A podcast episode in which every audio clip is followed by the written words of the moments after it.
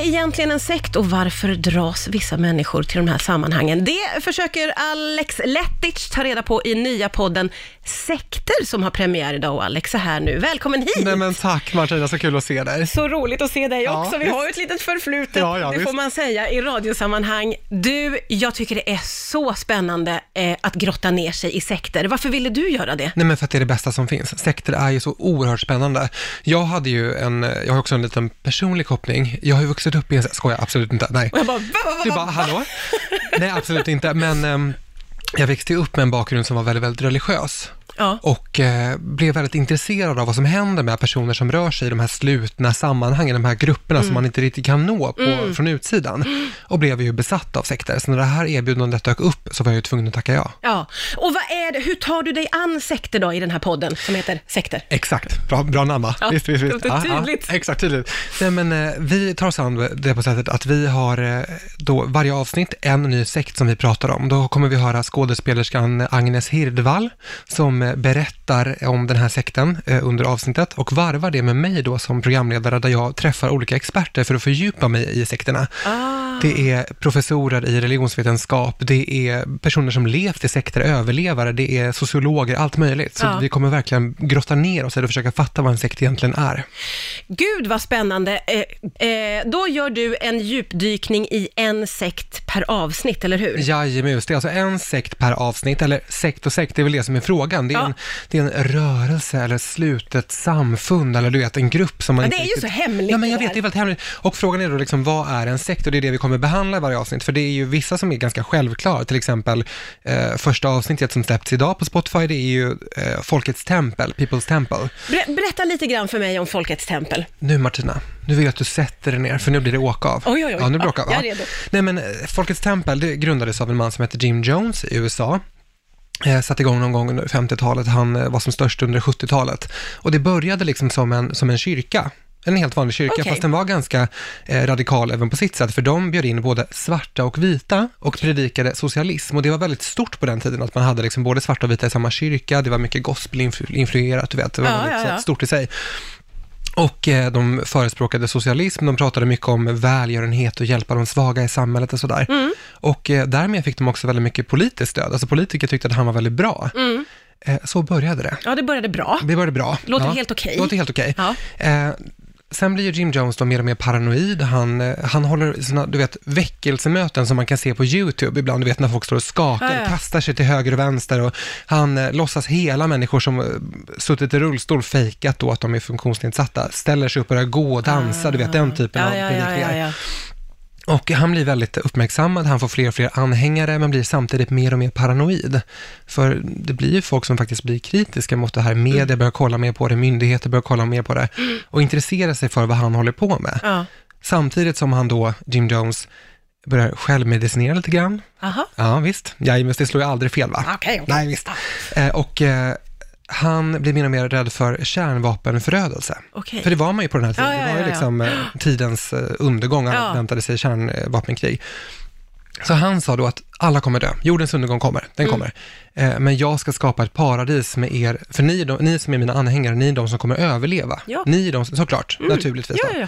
Och enda stället vi kommer kunna vara säkra på är i Guyana. Ja, Visst, okej. såklart. Så, Självklart. då, så de tog pick och packet och stack till Guyana. Och där fortsätter det.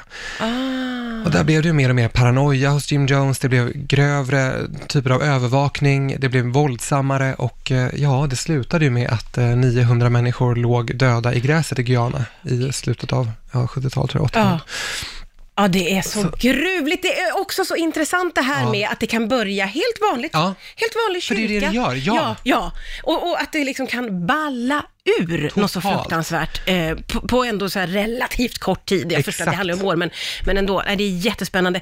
Kan vi få oss ett exempel till, tror du? Nej, men vill du ha det? Martina? Ja, det vill, du jag innan jag släpper iväg Vill dig. du ha det? Ja. Nej, men någonting, vi pratar ju om väldigt många svenska äh, grupper också, till exempel, vi kommer att prata om Knutbyförsamlingen, en av de mest uppmärksammade Ja, ja, ja, när det kommer till sekter. Eh, Men vi kommer också ta oss an grupper som till exempel Livets Ord och eh, även Hans Scheike och hans Hans. Scheike låter Visst. väl intressant. Vi kan väl gå in lite på det. Jag tänkte Ja. bara fråga dig, alltså Hans Scheike, kommer du liksom ihåg när det briserade? Ja, jag kommer ihåg det och jag kommer ju ihåg jättemycket hur han såg ut. Han hade långt hår och långt skägg och så var det det här med att det smiskades Ja. eh, och han hade omgav sig av unga, vackra kvinnor. Eh, det är väl det jag minns om Ja, jag ska vara helt ja. ärlig. Men det var ju väldigt stort under en lång tid. Och det som är så spännande med just det, att det är den bilden som många har. Han blev ju lite grann av en löpsedelsperson ett Ja. tag, så man liksom nästan, man skojade om den kuslige mannen i skogen, men, Ja. Mm. men det här var, slutade ju faktiskt i fängelsestraff för både honom och flera av hans kvinnor mot sitt nekande, ska jag också säga. Ja. Men Hans Scheike var ju en, en man som, eh, som var grafolog, eh, det vill säga han studerade folks handstilar för att kunna utgöra liksom hur din personlighet var. Om du, om du skrev ett stort A så hade du en aggressiv personlighet, du vet den typen. Ja, ja, ja. Eh, och han blev ju anlitad av folk. Han blev ju anlitad av olika typer så här, hockeylag. Jag kommer inte riktigt ihåg exakt vad det var, men du vet, för att tyda spelarnas... Eh, så, så, det var ju så han började och kom, kom in på terapiformer och pratade om det här att utforska sig själv och så. Ja. Eh, och eh, det här, ja, urartade ju lite grann kan man ju säga. ja, det gjorde det verkligen. Ja, det kom ju eh, en del kvinnor som anslöt sig till honom för att de, han började med någonting helt unikt. Han, han kom ju eh, och rörde sig i new age-vågor kan man säga med vissa delar av hans typ av terapi, men, men också då den här risterapin, att han, han smiskade Just och piskade, så man fick piska på, på stjärten, så Ja, att säga. just det. Eh, och eh, jag lyssnade faktiskt på två av hans kvinnor, Britta Sylvan och Helene Bengtsson, som eh, har varit anslutna och lojala mot Hans Scheike under hela vägen. Han gick ju bort nu för några månader sedan bara. Eh, och jag såg ett program med Aschberg, back in the day på 90-talet, Ja. diskutabelt. Ja, ja. Då var de gäster där och då pratade de om hur de upplevde att bli piskade. Och då minns jag att Helene Bengtsson sa någonting om att när man blir piskad där och, och ligger och tar emot riset så smiskas man liksom in i sig själv. Man kan inte gömma sig, det finns inga fasader.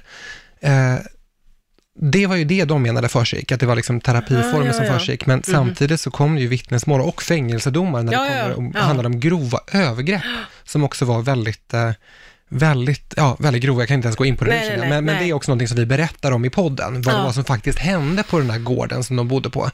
Eh, och det är ett av de svenska fall som vi faktiskt fördjupar oss i. Och då är också frågan, Hans Scheike och hans så kallade sexsekt, är det en sekt? Ja, det var ju några personer som Ja. bodde på en gård. Ja, Alltså, ja. ja Är det en sekt då, eller är det en kult, eller vad är det? Ja, det där är ju så spännande frågor och eh, då, gissningsvis så får vi ju svar på alla dessa frågor Såklart. i podden. Jag är jätteglad att du tog dig tid att komma hit idag. Jätteroligt att höra. Eh, podden heter Sekter. Eh, den hittar du där poddar finns helt enkelt och det är Alex Lettich som är programledare. Tack för att snälla komma och